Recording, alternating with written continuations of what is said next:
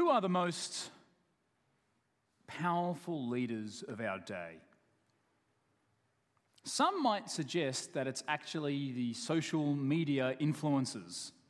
I don't know if you have a favorite social media influence on, I don't know, whatever the platforms are that you like to use. But these are, these are the people who are paid big bucks to go online and to promote the food that they eat, uh, you know, the clothes that they wear, the particular types of eye shadow that's going to make your eyes look big. Is that what we want these days? Big eyes, yes. Uh, and also, uh, you know, the, the particular types of workout regimes, all because they have large followings.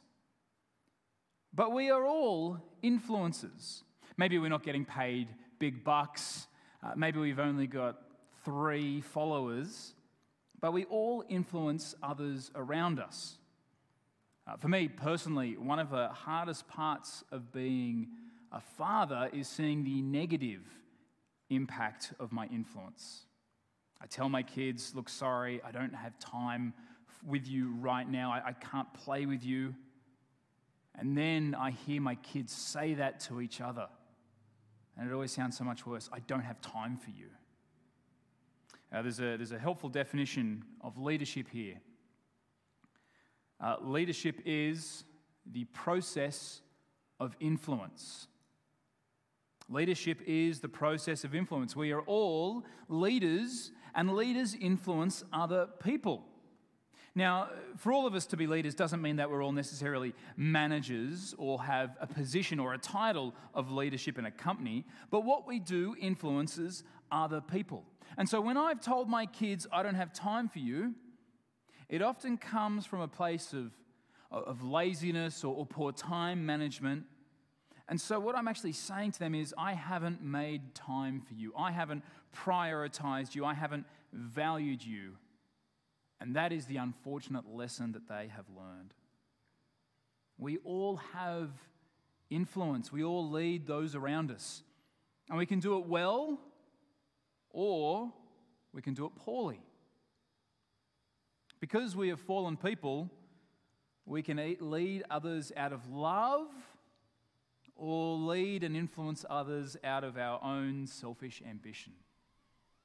Uh, Jesus, on this one last night with his disciples, prepares them for his departure. Uh, and in this new series for term one, uh, from John 13 to 17, we're going to see Jesus address the disciples' fear, their problems before he leaves. And he does this so that they are ready to lead the church, to grow disciples, to continue as He's trained them. And at the start of this one last night, Jesus is going to reshape their view of leadership. And the challenge for us today will be to reshape our view of leadership, our, our view of what influence looks like for other people, so that we are like Jesus, a sacrificial leader. Let me pray for us as we, as we have a look at John 13. Heavenly Father, I thank you for your word to us today. I thank you for a new series and the chance to spend time in the book of John. Heavenly Father, I pray that you would open our eyes to what we are like as people. Remind us of how wonderful and awesome Jesus is. And Lord, make us like him today. Amen. Uh, first point, if you're writing notes or if you're writing them at home, uh, the first point for us today is lead from love. And we're going to start in verse 1. You can read on the screen, read in your Bible. Uh, if you're reading on your phone, you know, just make sure you've got notifications turned off. Uh, and so John 13 starts Jesus knew that the hour had come for him to leave this world and go to the Father. Having loved his own who were in the world, he loved them to the end. Jesus knows he's just about to go. He's preparing his people because he loves them. And Jesus teaches what sacrificial leadership looks like. Uh, at the same point in uh, the Gospels of Matthew and Mark, it actually tells us a lot of what the, the other disciples were like. Uh, the other disciples, they were a diverse group of people. There were tax collectors in league with the Romans. There were radical revolutionaries who hated the Romans. And then there was James and John, the sons of thunder. I've always liked that name, maybe because my name is James. James and John, the sons of thunder, these were disciples of Jesus who wanted to be at his left and right hand. Jesus is preparing these leaders to be radical servant leaders like him because they've got all kinds of power and control issues, even amidst the 12. But they come from a situation where people abused power. The Gentiles lorded power over other people. They controlled them. They put the Jews in their place. When the, uh, the, the, uh, the Gentiles came and took control of the temple in, in Jerusalem, they came and sacrificed a pig on the altar just to go, hey, we are in control now. You are going to do what we say. Gentiles use their power, their leadership, their authority to make their own lives better. And Jesus is going to show a new way of leadership so that the disciples who are going to lead this new church don't end up like the people in the rest of the world, but lead like Jesus. So have a look with me at verse 2. The evening meal was in progress, and the devil had already prompted Judas, the son of Simon Iscariot, to betray Jesus. Jesus knew that the Father had put all things under his power, and that he had come from God and was returning to God. Jesus knew about Judas, but also Jesus knew that God had given him all power and all authority. All things had been put under Jesus' power, his leadership. Uh, recently, uh, I was uh, having a meal with uh, some people from church, and I was finding out about uh, the, the history of uh, India and Pakistan and how they fight over one particular strip. I think countries in, in our world are really good at fighting over which part of the border is theirs. This is what nations are like, constantly fighting. But God has, Jesus has power over all of that. Every time I mow my grass, I have to think, where does my grass end and where does my neighbor's start just out the front? So I mow mine, but I don't mow his. And that's always very strange. I had a conversation with a neighbor next to me because he's a good guy and I kept getting a bit thingy about it. And I said, Can I just mow yours out the front? Is that okay? Surprisingly, he was fine with it. But Jesus has all things under his power, from the grass and the fields to the rivers, to the ecosystems of the tadpoles and the frogs and the eels and the gnats and the nations, the world and everything in it the galaxy and the law of gravity, all of this fits under Jesus' power and authority. And we get to verse 4, and it is ridiculous. It's offensive. It should continue to shake us to the core. It starts so. Jesus, knowing he has all power and authority, so he got up from the meal took off his outer clothing, wrapped a towel around his waist. After that, he poured water into a basin and began to wash his disciples' feet, drying them with the towel that was wrapped around him. What did the most powerful human being, God incarnate, do? One of, if not the grossest, most degrading job there is. He got down on his hands and knees and he washed feet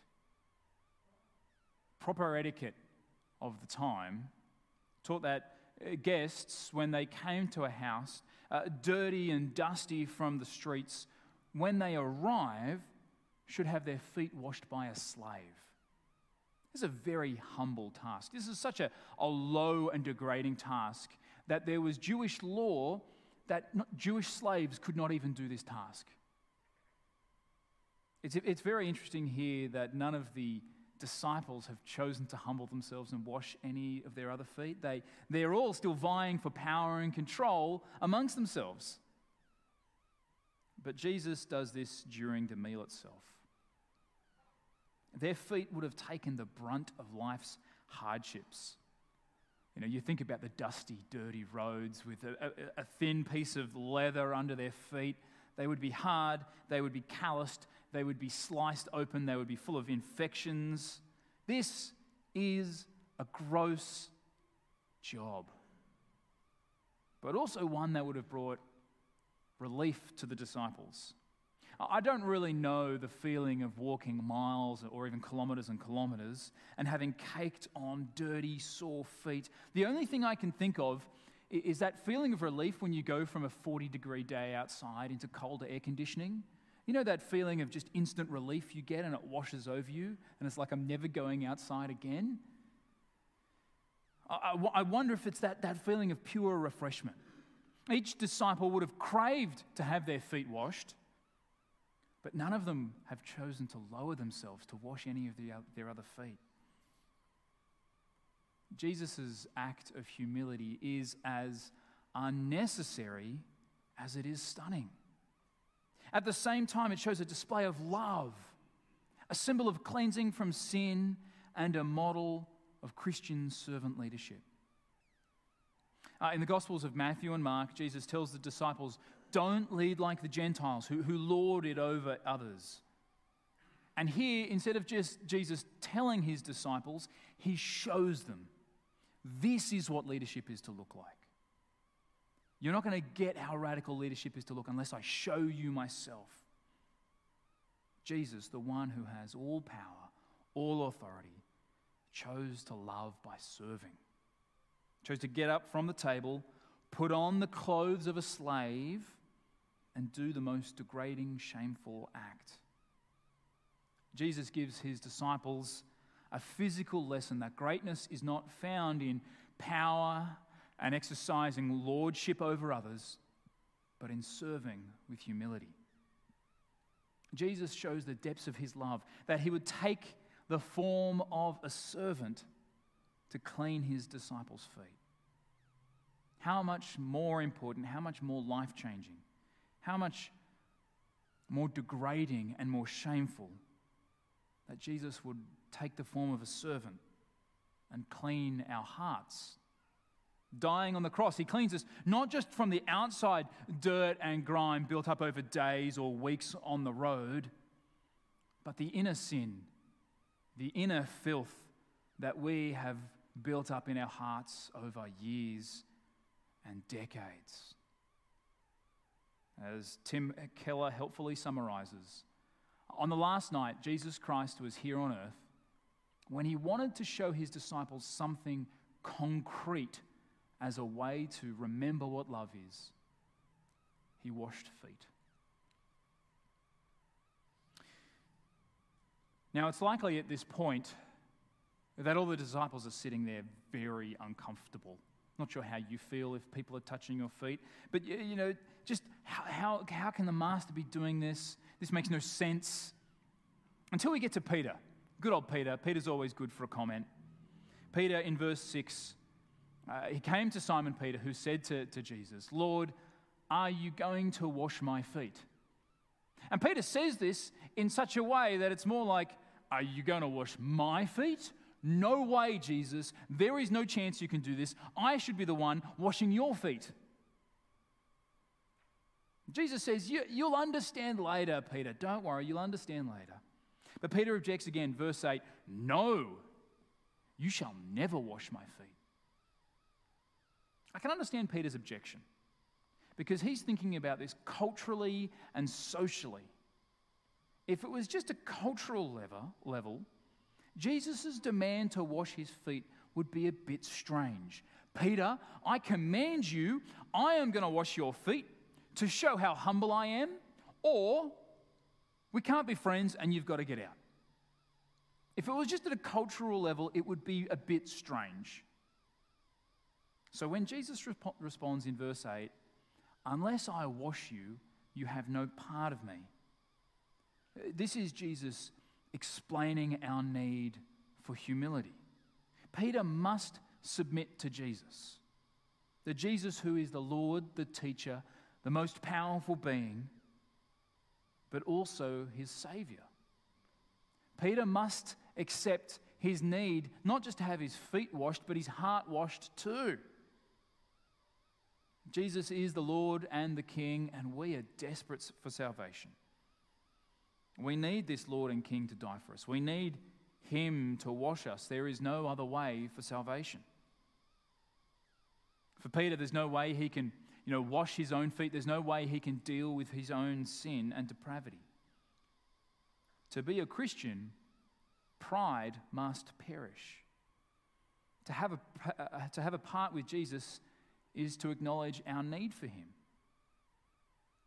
But the idea, the idea for me of going to a nail salon to get a pedicure, this is the furthest thing from my mind. First of all, there's the, the smell of nail polish. I don't even know if I could get past that personally. So to sit there would make me incredibly uncomfortable. Baring my feet, they're, they're hidden well in boots and socks at the moment. Baring my feet, uh, having someone judge me, maybe take out one of those the shaving things to, to shave part of the calluses off my feet. Maybe they're looking down at my feet and also me because I haven't taken care of them, and they're talking amongst themselves about how, my, how bad my feet are. I don't want to do that. It makes me uncomfortable. And yet, that is what Jesus says we must do. Not just our feet, but the very depths of our souls. But the wonderful joy of the gospel is that whilst He is the judge, He doesn't judge, He brings forgiveness and healing. We all have aspects of ourselves that we would prefer to keep hidden, hidden sins that we'd rather not come out into the light. We can bring them to Jesus. We can pray, Heavenly Father, there are parts of me that I, I don't want anybody to know, out, to know about. They are they're degrading, they're dark, and I want to keep them hidden. But we can also pray, Thank you that you know me and that you choose to love me, that you choose to forgive me.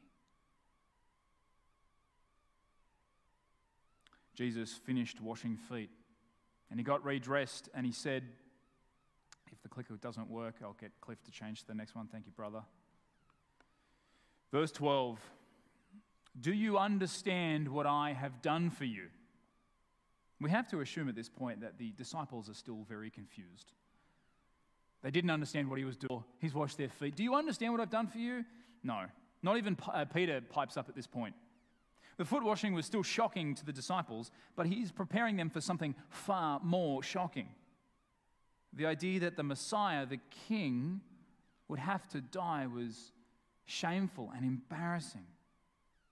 And this act of foot washing points to the greater act that the exalted Messiah would take on the role of the despised servant for the good of others. This is what Christian servant leadership looks like. The act of leadership is the process of influence. Well, Jesus builds on this in verse 13.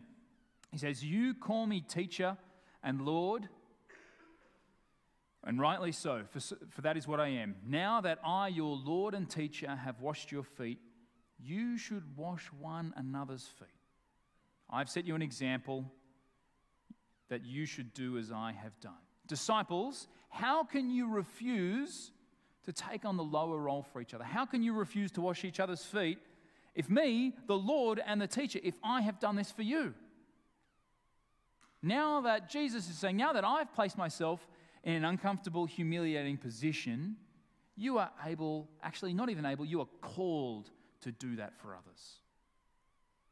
And so, if Jesus had stooped so low to wash our sins clean on the cross, how much more willing should we be to stoop low, to humbly help people? And to refuse to do so is actually to have pride and to proclaim ourselves greater than Jesus. Now, brothers and sisters, we all have spheres of influence. We all influence people deliberately and accidentally. Jesus calls us to sacrificially place ourselves into uncomfortable situations out of love for others. Now, it's, pretty hard to imagine a task uh, as culturally degrading as foot washing. I, I, you know, spent some time thinking about it uh, yesterday. I can't think of anything that bad. I'm sure most of us are pretty uncomfortable with touching other people's feet, but it's not culturally shameful. But one of the most sacrificial, one of the most humble leaders I know was my grandmother, Peg. Uh, my grandmother, bless her cotton socks, would get up at 2 a.m. every morning to make a cup of tea for my grandfather so he could get up and go to work. She'd go back to bed for a couple of hours, and then she'd get up again and cook a hot breakfast for my dad and my uncles every morning. And then she would go to work herself. Uh, I haven't suggested this to my wife, I've just explained this. And I'm not going to look at her right now. I don't even, I don't even know, like, that's just what my dad grew up with. It's ridiculous. She was not a leader in the classic definition of what a leader is, but she was sacrificial and she was influential.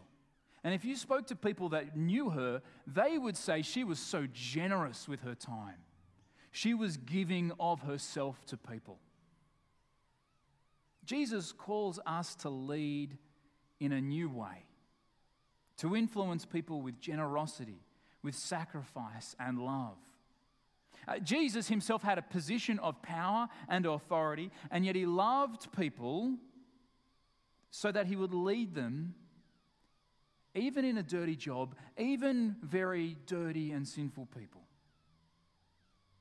And he calls us to do the same thing. We are all influencers. The big ones who get paid to do it, well, they're really aware of who they influence and how they influence. They track it with metrics online. But we are all influencers.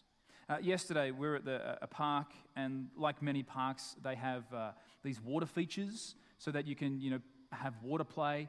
And our youngest, Micah, uh, held the button to get the water to flow out for about 10 minutes so that his brother and sister could play with the water. Nobody asked him to.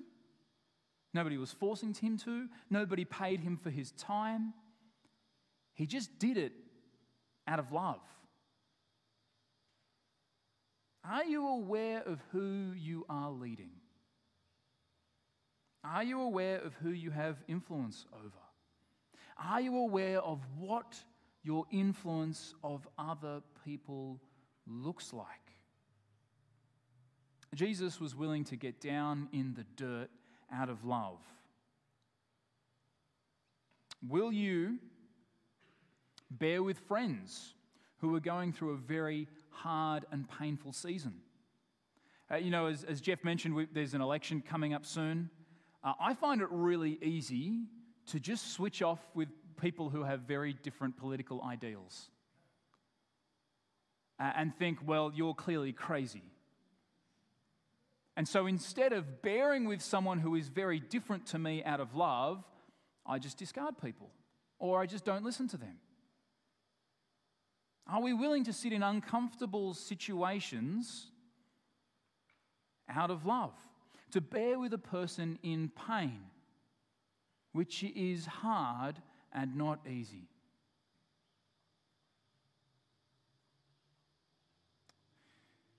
Our Heavenly Father sent His Son, who had all power and authority, to show us what true leadership looks like, bearing with other people out of love for them.